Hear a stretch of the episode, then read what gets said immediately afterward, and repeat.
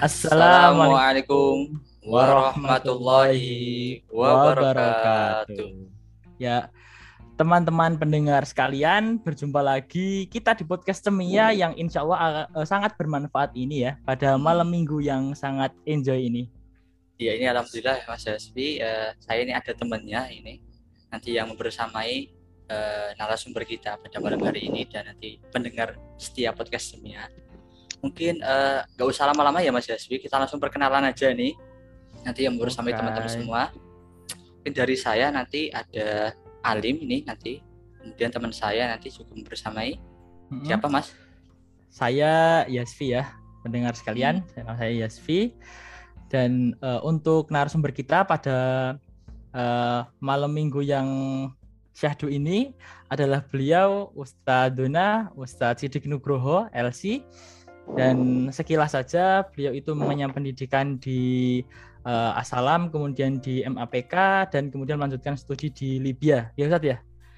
Siap. Betul ya? Siap. Masih ingat? Ya, alhamdulillah Ustaz. Uh, tanpa melihat CV tadi saat kita lupa belum minta CV-nya.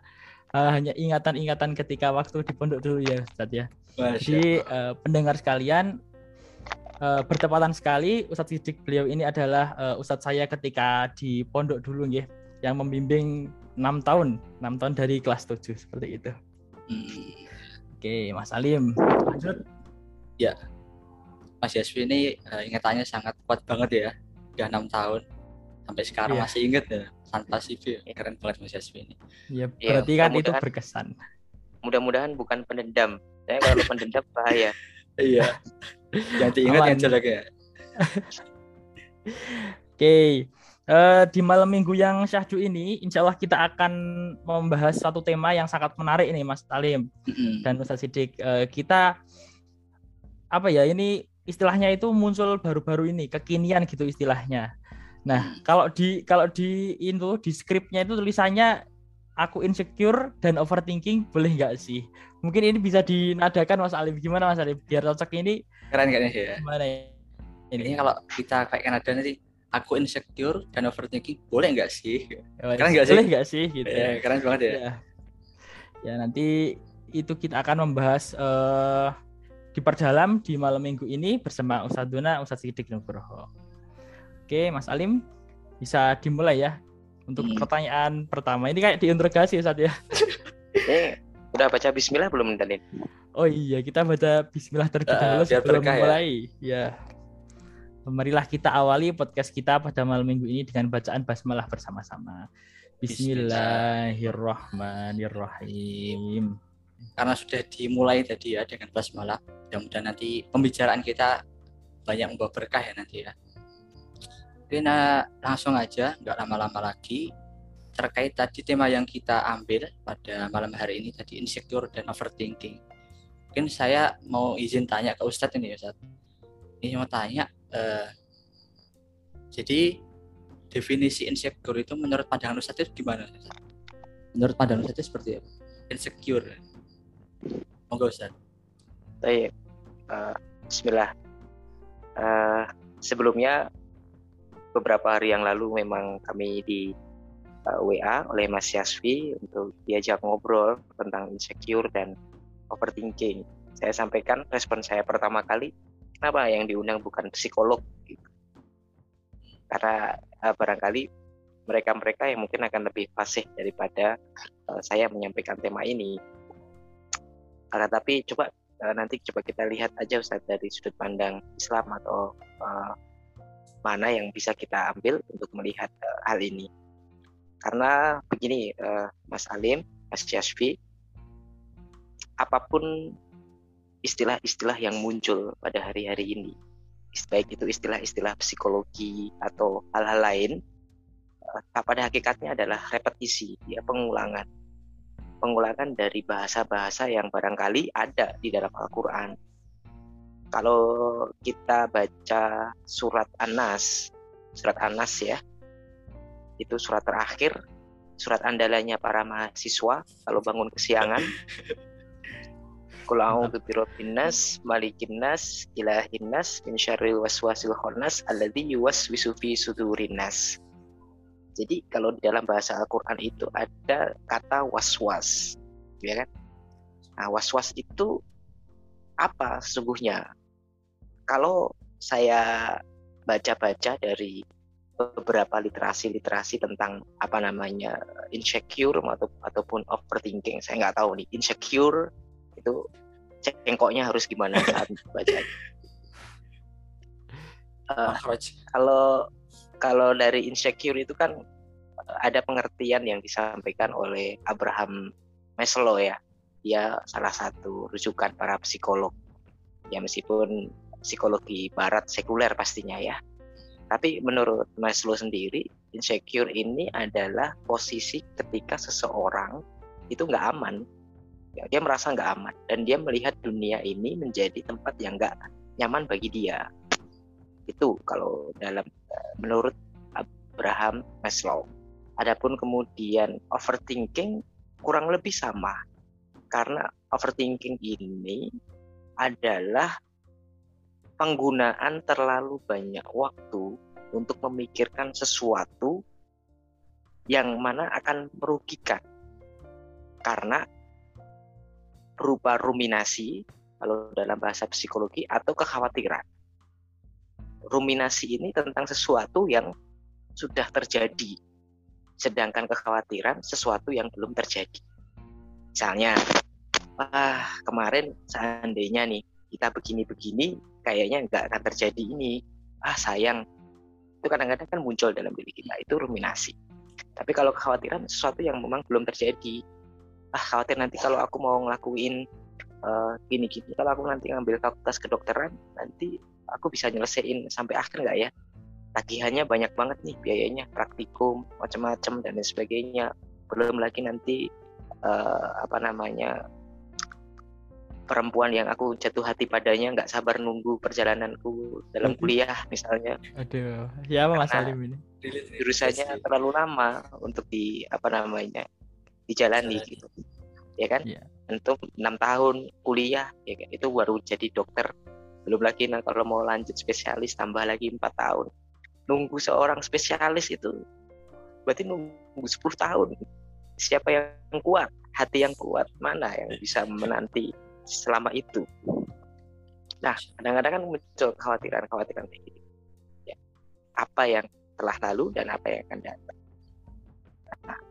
itu kan sesungguhnya dari mana munculnya dari hati kita maka sama sesuai dengan apa yang tadi disampaikan oleh Allah Subhanahu wa taala dalam uh, surat Anas tadi. Itu was kalau dalam bahasa Qur'annya. Begitu menurut uh, saya Mas Alim. Jadi sesungguhnya uh, sama aja, cuma pengulangan. Nanti mungkin akan diproduksi ulang istilah-istilah yang baru. Ya cuma gara-gara sekarang ini kita eranya era katanya 4.0, 5.0 dan seterusnya sesuatu yang berbahasa Inggris itu kelihatan keren, ya kan? Kopi jos itu enak, bagus gitu. Tapi orang lebih suka black cafe, ya kan? Padahal kalau kita pergi ke angkringan, Pak, kopi hitam gitu. Lima ribu, sepuluh ribu. Black cafe jadi berapa? Empat puluh ribu, puluh ribu. Cuma, cuma istilah aja, hakikatnya sama. Hal itu sekaligus meneguhkan bahwa apa yang ada dalam Al-Quran itu bukan sesuatu yang akan usang gitu. Meskipun kemudian Al-Quran ini sudah selesai ratusan tahun yang lalu, tapi sesungguhnya isinya apa yang dibawa oleh Al-Quran itu sangat relevan bagi kehidupan manusia hari ini bahkan yang akan datang. Seperti itu. Gitu Mas Alim. Tadi apa Mas Alim kesimpulannya Mas? Jadi Kesimpulannya kuliah FK jangan lama-lama. kuliah yang disimpulkan yang bagian Waduh. kuliah FK jangan lama-lama karena sudah ada yang menunggu ya Mas. Udah banyak menunggu Mas Yasir. Ya, jadi apa tadi uh, repetisi ya, pengulangan istilah, pengulangan kata dalam perjalanan hidup manusia. Nah, ini kalau kita uh, ber, berbicara tentang pengulangan ya Sat ya Berarti kan di setiap masa pasti ada kejadian yang hampir sama seperti ini. Nah, ini pertanyaan kedua ini dulu pas menimba ilmu itu Ustadz, apakah pernah uh, merasa insecure dengan teman-teman seperti itu Ustaz. Apakah juga ada masa seperti itu? Uh, ini berarti pengalaman uh, saya pribadi ya? ya iya, Oke lah. Diceritakan. Ini dari. Baik. Uh, pernahkah kemudian uh, saya merasakan secure, katakanlah seperti itu? Jika insecure dalam arti bahwa kita merasa tidak aman atau kemudian merasa asing pastinya hal tersebut pertama kali saya rasakan uh, ketika saya mondok ketika saya mondok Mon saya adalah orang kampung maka tadi saya sampaikan Kang Sidik petani kampung gitu malah mungkin lebih pas buat saya saya orang kampung di tempat saya sangat hampir belum ada yang mondok pada waktu itu. Saya menjadi orang yang mondok pertama kali. Meninggalkan rumah, orang kampung, sekolah di Asalam. Asalam pada waktu itu menjadi kayak pondok paling elit di area Solo Raya karena belum muncul pesantren-pesantren besar. Kalau hari ini Asalam sudah kebanting harganya dengan Al Azhar Islamic International Boarding School ya. Wow, dari sisi fasilitas dari sebagainya orang kampung mana sih yang apa namanya yang percaya diri ketika berada di pondok itu? Kita gak ada yang kenal kemudian mohon maaf ya dulu ketika ada sebuah formulir kemudian kami ditanya kalau diterima di asalam mau wakaf berapa? Nominal paling kecil pada waktu itu ditulis 500 ribu. Itu tahun 99 500 ribu satu juta satu juta setengah sebagai uh, tapi bapak saya nulisnya berapa? 150 ribu. Karena apa? Ya itu adalah nominal yang dipunya pada waktu itu kalau nanti kita tulis yang lebih besar maka nanti kita nggak akan dapat memenuhi uh, apa namanya wakaf itu dan terlalu memaksakan diri. Ya sudah kita tawakal pada Allah Subhanahu wa taala kita tulis 150 ribu. Kalau emang rezeki nanti sekolah di situ. Kalau emang nggak rezeki ya sudah berarti memang ke tempat yang lain.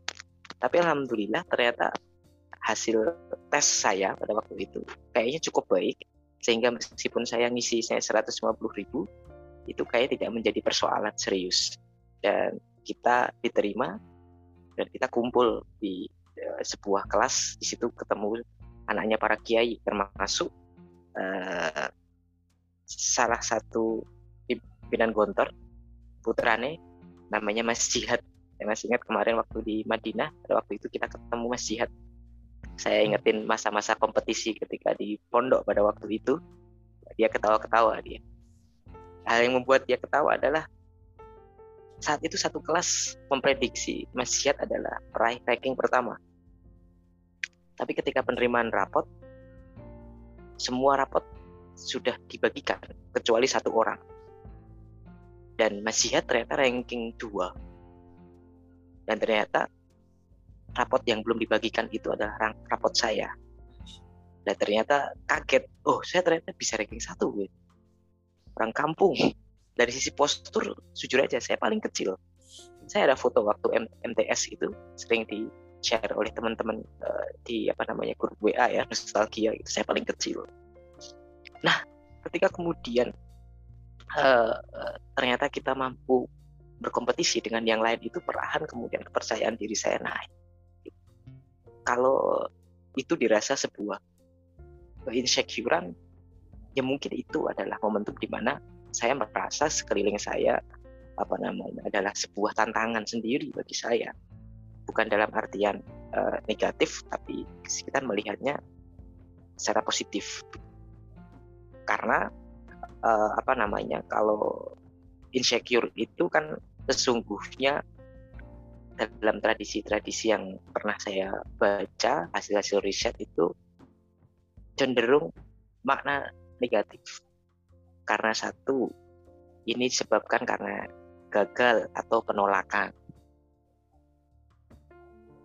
Mas Yasvi ngincer FK UII. Tapi ternyata rezekinya Mas Yasvi bukan di FK-nya. Tapi misalnya nanti diterima di Fakultas Ekonomi Syariah atau apa. Oleh karena itu ketika kemudian berada atau ketemu dengan anak-anak FK, kadang-kadang merasa sesuatu, nih aku nggak layak ya di fakultas itu dan seterusnya. Itu. Yang kedua, insecure ini kan sebenarnya dia karena cemas secara sosial dia takut nih kalau misalnya melakukan sesuatu nanti akan ada orang lain yang mengomentari. Yang ketiga, ini bisa juga karena kita perfeksionis. Ya. Kita maunya A, pokoknya kalau nggak A, nggak mau gitu. Nah, itu juga bahaya dan itu salah satu yang menyebabkan uh, jatuh kepada benci. Itu adalah sering kali adalah momentum ketika kemudian uh, saya yang awalnya orang kampung sekali lagi merasa tidak memiliki apa pun akhirnya kemudian memiliki katakanlah ya sedikit karakter maulah bersaing dengan teman-teman yang lain dan itu adalah titik tolak dalam hidup saya ketika kemudian masuk ke MPK kemudian kita sudah mulai semakin percaya diri ya ikut berbagai macam organisasi ketika berada di uh, dapat beasiswa kuliah Tripoli itu semakin menambah kepercayaan diri kami. Begitu Mas Alim ya beberapa fase. Ya, Jadi uh, Ustadz juga pernah merasakan tadi teman-teman insecure ya Mas Yasvi. Jadi yeah. gak hanya kita aja, ya. Hmm. Ustadz juga dulu katanya kampung tadi orang kampung tapi dengan keterbatasannya berusaha tadi ya. Sekelilingnya tadi uh, orang dari kota-kota di akhirnya tadi bisa sampai dapat ranking satu jadi keren banget ya iya ada yang menarik Mas Salim ada yang menarik dari kisah Mas Sidik tadi. Jadi kalau biasanya kalau remaja sekarang itu insecure dalam hal harta. Yang lain HP-nya iPhone aku Poco M3 sendiri. Merasa insecure ya kan? Kalau beliau tadi merasa insecure dalam hal bidang keilmuan. Semakin memiliki kompetisi bukan memiliki semakin memiliki rasa kompetitif yang tinggi sehingga apa ya uh, bisa diolah menjadi hal yang positif tadi itu. Mm -hmm. Jadi, begitu nggak Ustaz? Ya jadi pintar-pintar uh, memanage memanage dari rasa insecure itu sendiri. Mm -hmm. kalau dari saya sendiri juga ya tadi yang lanjutkan yang Mas Yasvi tadi sampaikan. Jadi kalau saya ambil tadi kita itu sepertinya boleh insecure tapi insecure-nya dalam hal yang baik. Contohnya tadi bisa tadi ya insecure-nya karena temannya tadi uh, kepintarannya ya jadi kebanyakan kebanyakan orang itu malah minder insecure itu sama hal-hal yang remeh gitu jadi seperti harta kemudian tadi ya semacamnya lah. Sebenarnya itu uh, kalau apa ya dilihat dia juga nggak terlalu berpengaruh banget. Utamanya sama akhirat nanti ya. Kalau yang bagus mungkin insecure dalam hal amal soleh ya. Mungkin oh orangnya itu rajin. Nah, kita insecure kayaknya nggak apa-apa ya. Tapi kalau tadi karena HP-nya iPhone terus kita HP-nya Xiaomi Poco M3 wah itu kayaknya nah. harus dikurangi kayak gitu ya. Ya harus dikurangi. Anak-anak anak-anak FK itu harus mentalnya kuat orang kampung. Kan nggak mental kuat habis di jalan.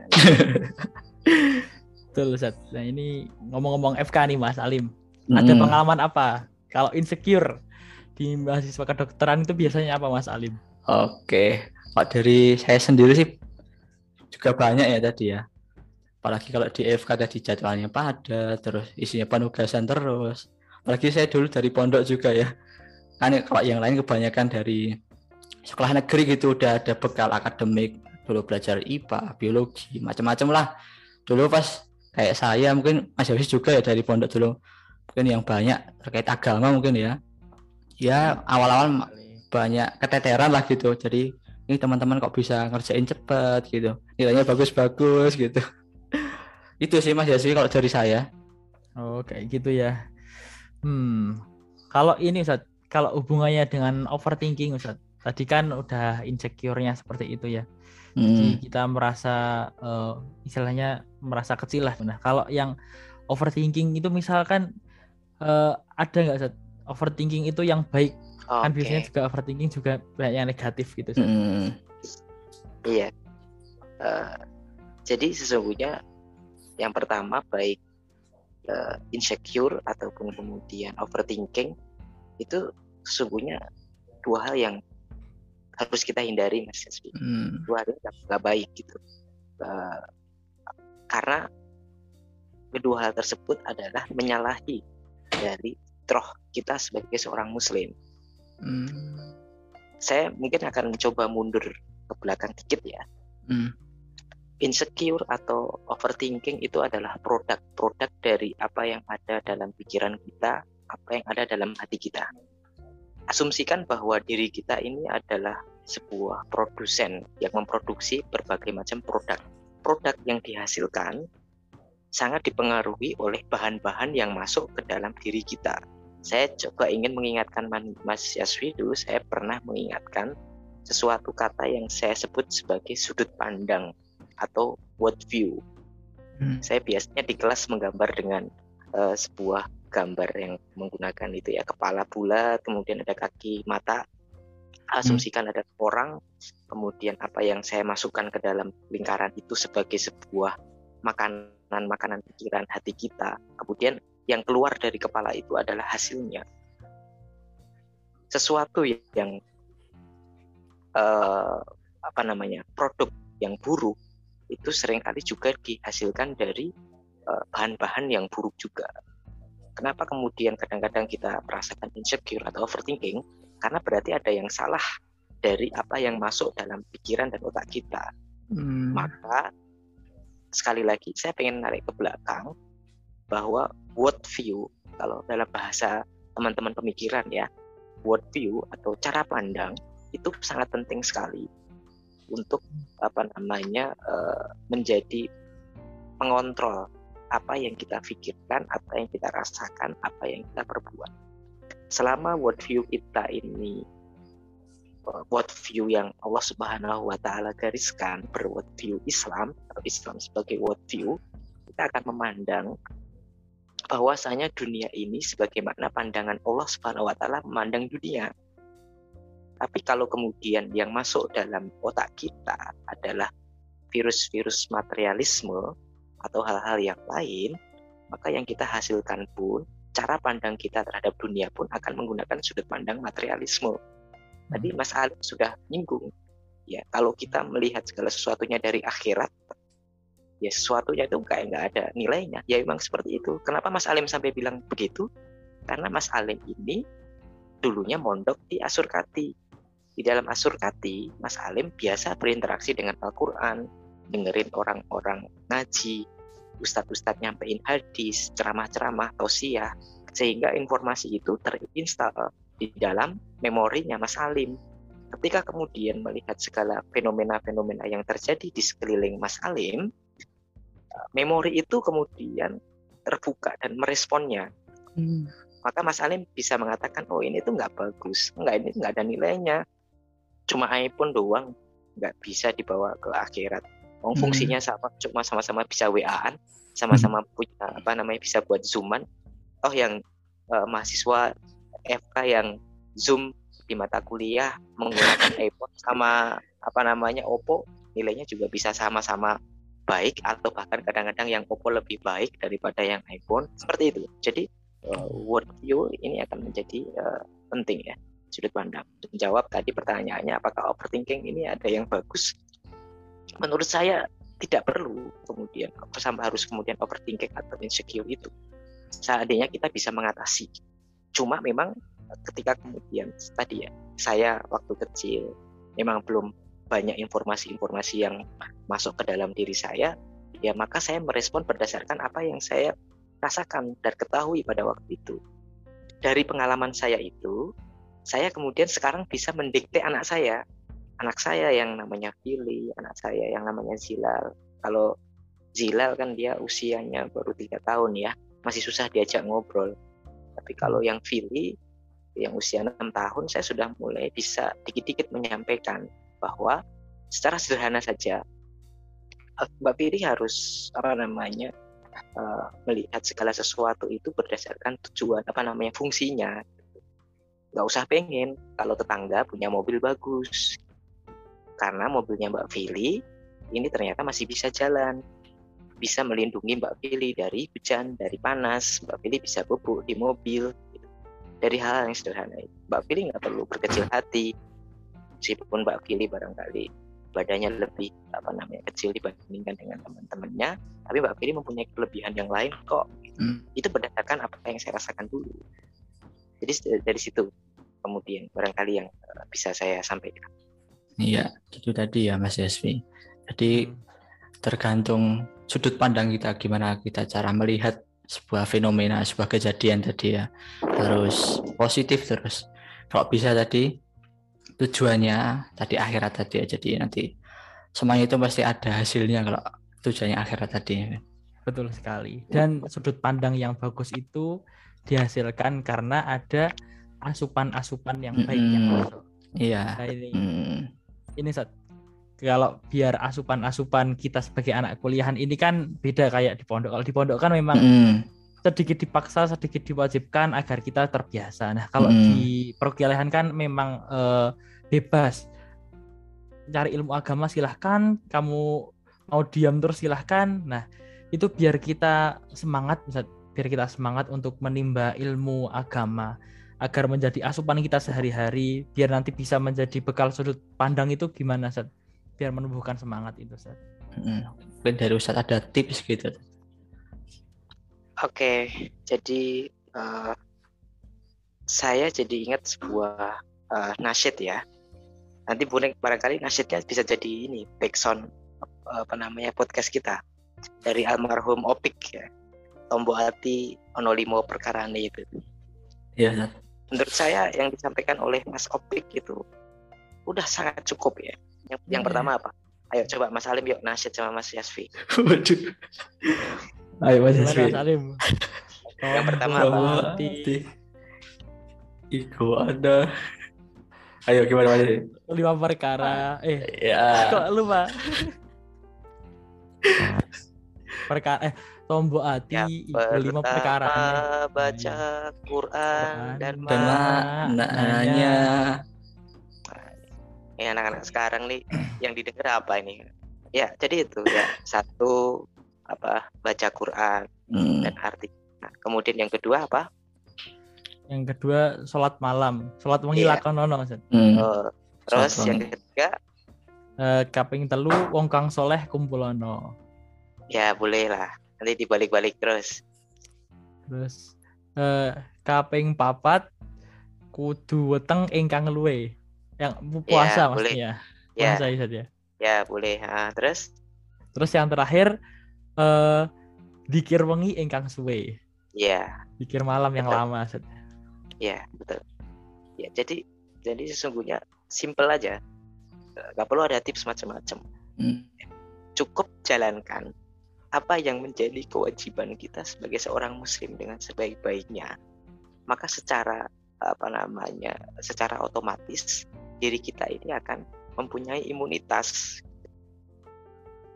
uh, teman-teman yang di fakultas kedokteran lebih fasih daripada saya ketika menjelaskan tentang apa namanya bagaimana agar tubuh kita ini mempunyai imunitas yang bagus ya kan biar hmm. kemudian kuat hebat itu kan otomatis satu jangan banyak begadang ya kan hmm.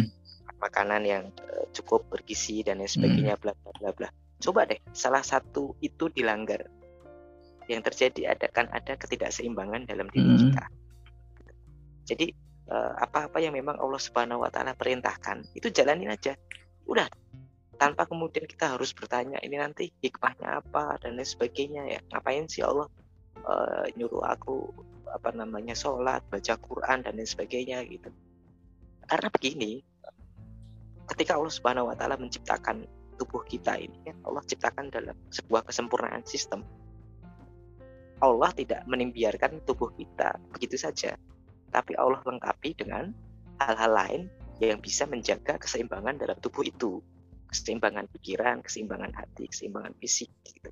Kalau kemudian apa yang menjadi kebutuhan uh, apa namanya pikiran hati kita atau fisik kita salah satu aja nggak kita penuhi akhirnya nggak balance. Kalau nggak balance nggak seimbang kita nggak akan bisa kuat menghadapi berbagai macam fenomena-fenomena kehidupan di uh, di depan kita akhirnya apa? Ya tadi jatuh kepada sebuah insecure atau kemudian overthinking dan lain sebagainya. Begitu mas Yaspi ya. Ya tipsnya sangat simpel menyadari sangat simple. kewajiban kita mm. muslim. Di, kayak itu saat buku ketika kelas 9 Sakofah itu Zat. iya betul. Siapa nama pengarangnya? Masih ingat gak Madayakni Intima Madayakni Islam. Intima Islam apa arti komitmen saya terhadap Islam? Karangannya Syekh Fatki kan oh iya. Hmm. kok lupa ya pengarangnya? Itu ini nggak barokah nanti ilmunya lupa pengarangnya. Ya. Hanya saja memang uh, begini ya uh, tantangan-tantangan uh, itu semakin hari ini semakin kuat tantangan-tantangan materialisme, terutama materialisme ini yang menjadi apa namanya musuh kita pada hari ini.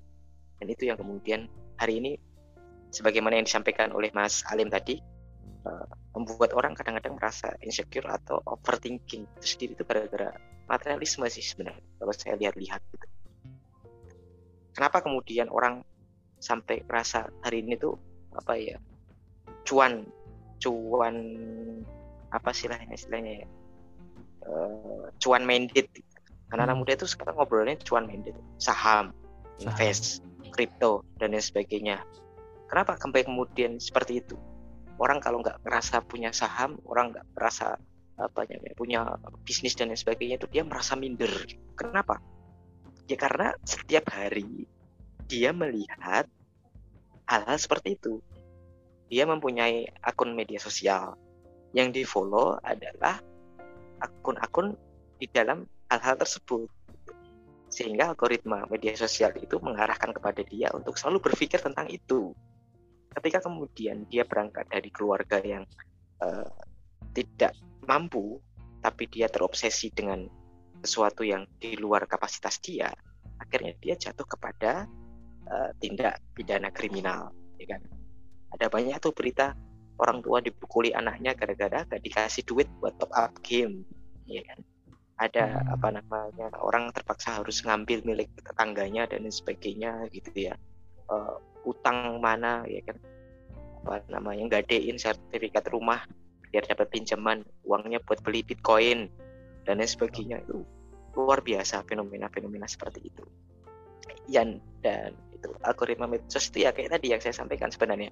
Ya kayak view tadi loh kalau dalam pepatah yang lain itu kalau kita berteman dengan apa namanya tukang las atau pandai besi ya kita akan kecipratan apinya tapi kalau hmm. kita berteman dengan penjual parfum ya kita akan ikut-ikutan bau wangi gitu hmm. jadi ya eh, teman-teman sekarang ini memang harus apa namanya lebih berhati-hati dan lebih memfilter karena eh, sekali lagi dunia yang sangat luas itu ada di dalam genggaman kita Kayak misalnya nih, saya contoh lagi soal overthinking. Kenapa kadang-kadang kita overthinking? Yaitu karena kita overload informasi, Mas. Jadi kita itu kadang-kadang membaca sesuatu yang sesungguhnya nggak nggak dibutuhkan oleh diri kita. Jujur aja. Ya, kita ini kan setiap hari itu kan kadang-kadang membaca berbagai macam informasi. Ya. Ada tentang penemuan, ada tentang mata kuliah, ada tentang gosip, ada tentang bola, ada tentang game, ada macam-macam dan lain sebagainya gitu. Coba deh dipilah-pilah. Mana subjek yang kalau kita nggak tahu, kita nggak mati. Tapi kalaupun kemudian kita tahu, itu pun juga tidak akan menambah umur kita lebih panjang. Ya kan? Nggak penting itu kan berarti kan artinya sesuatu yang nggak penting-penting banget itu kita skip. Ya, itu nanti bisa apa namanya mengurangi kita untuk jatuh kepada overthinking. Saya saya sangat tertarik dengan yang disampaikan oleh Pak Habibie, eh, Pak Habibie presiden kita, yang pintarnya masya Allah jadi rebutan banyak negara. Kata Pak Habibie, saya itu tahu artis cuma dua, Reza Rahardian sama Bunga Citra Lestari. Yang lain saya nggak kenal. Kenapa Pak Habibie kenal Reza Rahardian dan Bunga Citra Lestari? Karena keduanya adalah pemeran utama film beliau sama Habibie Ainun. Oh iya benar ya iya yang lainnya nggak kenal. Kata beliau buat apa? Saya ngerti. Ya kan nggak penting gitu. Akhirnya apa? Pak Bibi bisa fokus kepada uh, riset-riset beliau dan pikirannya itu tidak banyak racunnya gitu ya nah maka kita memang kemudian harus bisa memfilter ini baik-baik gitu. Uh, kalau kita main medsos dan lain sebagainya saya kira nanti kita bisa mulai me, apa namanya me, sortir ya. Mana-mana saja yang kemudian nggak perlu-perlu banget kita uh, ini kan. Biar kemudian kita nggak overthinking tadi itu ya. Karena hari ini kita habis baca apa kemudian kita ingat wah ternyata masa lalu aku kemarin terlanjur begini gitu. Dia merasa minder. Atau karena baca sesuatu ke masa depan dia khawatir yang berlebihan gitu ya. Wah nanti gimana nih? Wah ini orang ini ya Raffi Ahmad ini ya Masya Allah usianya baru 35 tahun ya Sultan satu komplek rumah dibeli semua sama dia gitu ya. Di uh, anaknya Rafathar baru lahir aja udah senyum karena dia jadi sultan udah. Nah dan seterusnya dan seterusnya. Itu kadang-kadang kalau kalau yang baca adalah orang-orang seusia saya yang seusia Raffi Ahmad itu ya kalau kita nggak nggak nggak apa namanya pinter-pinter mengontrol diri nanti ya wah aku 35 tahun belum apa-apa ya. Cuma guru pesantren guru pesantren itu apa sih gitu ya. nggak punya duit cuan yang nggak ada gitu. akhirnya hmm. kemudian mikirnya malah ke mana-mana nggak jelas begitu ya. lupa dengan tadi kata yang anda sebutkan syukur bahwa apa yang Allah Subhanahu wa taala perintahkan sudut pandang Allah itu sering kali berbeda dari sudut pandang manusia maka Allah lengkapi ayat Al-Quran dengan ayat puasa antuhibu syai'an wahwa syarulakum dan kebalikannya sesuatu yang barangkali kita tidak sukai menurut Allah itu baik begitu barangkali. Ayat yang terakhir disampaikan Ustaz tadi saya sering ingat-ingat terus tuh kalau ada kejadian apa itu walaupun itu nggak baik buat saya gitu. Berarti mesti ada hikmahnya mesti. Walaupun apa pun itu baik buruk mesti ada hikmahnya. Kadang-kadang kita nggak nggak senang gitu kejadian itu tapi mesti ada hikmahnya. Tapi mungkin awal-awal mesti gerutu dulu ya. Tapi lama kelamaan kalau udah ada tertanam mesti ada hikmahnya iya, gitu. Betul. Ada ahwat kampus dia kan. Nggak pernah kita chattingin gitu tapi diam-diam wah ini kayaknya keren banget nih gitu. Hmm. eh tahu-tahu bulan berikutnya nyebar undangan dia waduh, waduh. hari patah hati hari patah hati dunia Mas Ali padahal ya. padahal padahal sesungguhnya juga apa namanya kita nggak pernah nyampein sesuatu kita nggak ngobrol dan lain sebagainya nggak ada apa-apa. Ya ada kita merasa kayak gitu. Nah itu diingetin tuh. Oh iya. Ya barangkali emang bukan yang terbaik gitu. Yang lain udah pada uh, lulus udah pada nikah tapi kita masih sibuk kuliah dan organisasi dan lain sebagainya. Ya biasa itu jalan hidup masing-masing gitu. Ini terakhir saat saya mau tanya kalau seumpama kita sudah tadi terjebak insecure terus overthinking mikirin terus hal yang baik tadi terus caranya gimana Sat? kalau kita biar mengurangi mengelola tadi biar nanti bisa positif gitu? Dari okay. gimana? kalau dari saya kalau kita sudah merasa karena kalau udah merasa bahwa kita itu sedang overthinking itu sudah baik berarti. Hmm. alarm keimanan dalam diri kita itu berarti masih hmm. ada dan itu harus kita syukuri. Alhamdulillah ini kita masih sadar. Soalnya ada juga yang kadang-kadang kayak gitu tuh nggak sadar. Kan bahaya banget itu. Overthinking yang terlalu berlebihan itu bisa nanti sampai kepada penyakit psikologis loh. Namanya kalau di dalam apa ya uh, dunia psikologis itu apa OCD apa COD OCD ya OCD ya. Obsesif kompulsif disorder. Jadi kalau overthinking berlebihan itu nanti malah jatuhnya ke situ. Nah eh, kalau kita emang udah merasa bahwasanya apa namanya kita sedang merasa seperti itu kalau saya satu kita kencengin sholat sama zikir apa namanya komunikasi kita sama Allah Subhanahu Wa Taala itu dikenceng itu itu yang pertama. Yang kedua kita selalu melihat aspek-aspek lain yang barangkali perlu kita syukuri dalam diri kita. Dengan cara melihat sisi-sisi kehidupan lain yang mungkin cenderung di bawah level kita. Kalau misalnya soal dalam soal kekayaan dan lain sebagainya gitu. Ya tadi ya yang saya contohkan misalnya kayak saya menasihati anak saya ketika mungkin tetangga ada yang beli mobil baru dan lain sebagainya gitu. Saya biasanya ingetin dia itu kasihan juga bapak itu belum punya mobil loh sampai sekarang bahkan ke mana-mana naik motor. Hal itu akan kemudian membuat kita bersyukur. Jadi dua hal itu apa namanya mengembalikan diri kita kepada Allah Subhanahu Wa Taala sholatnya dikhusyuin ya tobat ya kita beristighfar kepada Allah Subhanahu Wa Taala uh, berterima kasih kepada Allah Subhanahu Wa Taala atas nikmat yang Allah Subhanahu Wa Taala berikan sampai hari ini gitu untuk kemudian apa namanya meminta kepada Allah Subhanahu wa taala petunjuk. Maka doa yang tidak boleh dilewatkan adalah Allahumma arinal haqqo haqqo warzuqna tiba'ah wa arinal batila batila warzuqna istinabah. Ada banyak pilihan di depan kita, kita harus suruh memilih memilih dalam hal uh, entah itu kemudian pilihan pikiran kita ataupun kemudian nanti sikap kita. Maka kita meminta kepada Allah Subhanahu wa taala agar menunjukkan hal-hal yang baik untuk kita. Kemudian yang kedua, tanamkan terus sikap syukur kepada apa namanya dalam diri kita atas segala sesuatu yang diberikan Allah. Bahwa memang dunia ini dunia ini eh, sesungguhnya tercermin dalam beberapa hadis yang disampaikan oleh Rasulullah Shallallahu Alaihi Wasallam. Ini lagi-lagi ada di dalam bukunya uh, Syekh Patiakan Mas Yasfi kalau masih ingat ya. Satu, dunia ini adalah penjara. Penjaranya muslim. Yang namanya penjara itu apa-apa nggak boleh. Ya, penjara yang apa-apa boleh itu penjaranya koruptor. Aduh, penjaranya kok penjaranya koruptor. Di penjaranya koruptor itu ada AC, ada Aduh. TV, bisa main HP. Coba aja lihat itu di YouTube ya, searching sidak uh, lapasnya siapa gitu. Itu oh, nanti luar biasa seru guys namanya penjara namanya penjara apa apa nggak boleh dan nggak enak ya memang dunia ini penjaranya orang muslim, muslim.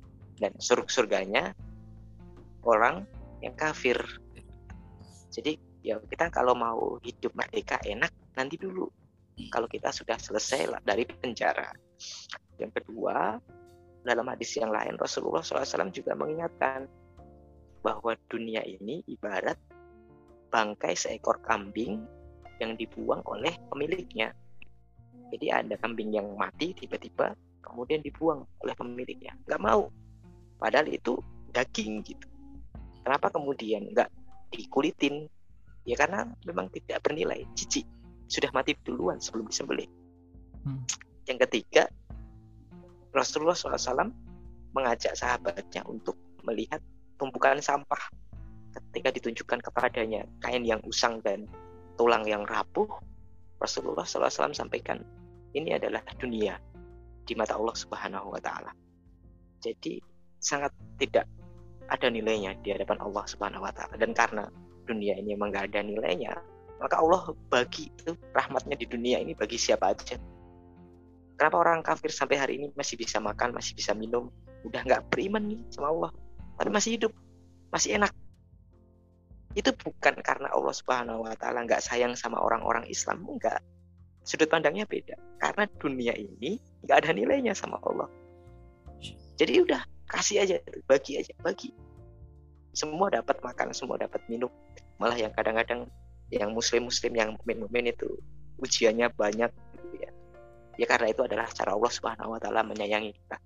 Salah satu tanda di antara Allah Subhanahu wa taala menyayangi hamba adalah mengujinya begitu Mas Alim Seswi Masya Allah jadi istilahnya memperkuat hubungan kita kepada Allah banyak bersyukur terus jangan selalu mendongak ke atas lihatlah yang di bawah yang masih banyak kekurangan itu akan membuat uh, insecure dan overthinking itu bisa diatasi Mas Alim seperti itu Mas Alim oke Mas Alim uh, saya sidik karena uh, waktunya sudah habis ya mungkin kita bisa mengakhiri uh, podcast kita pada malam hari ini.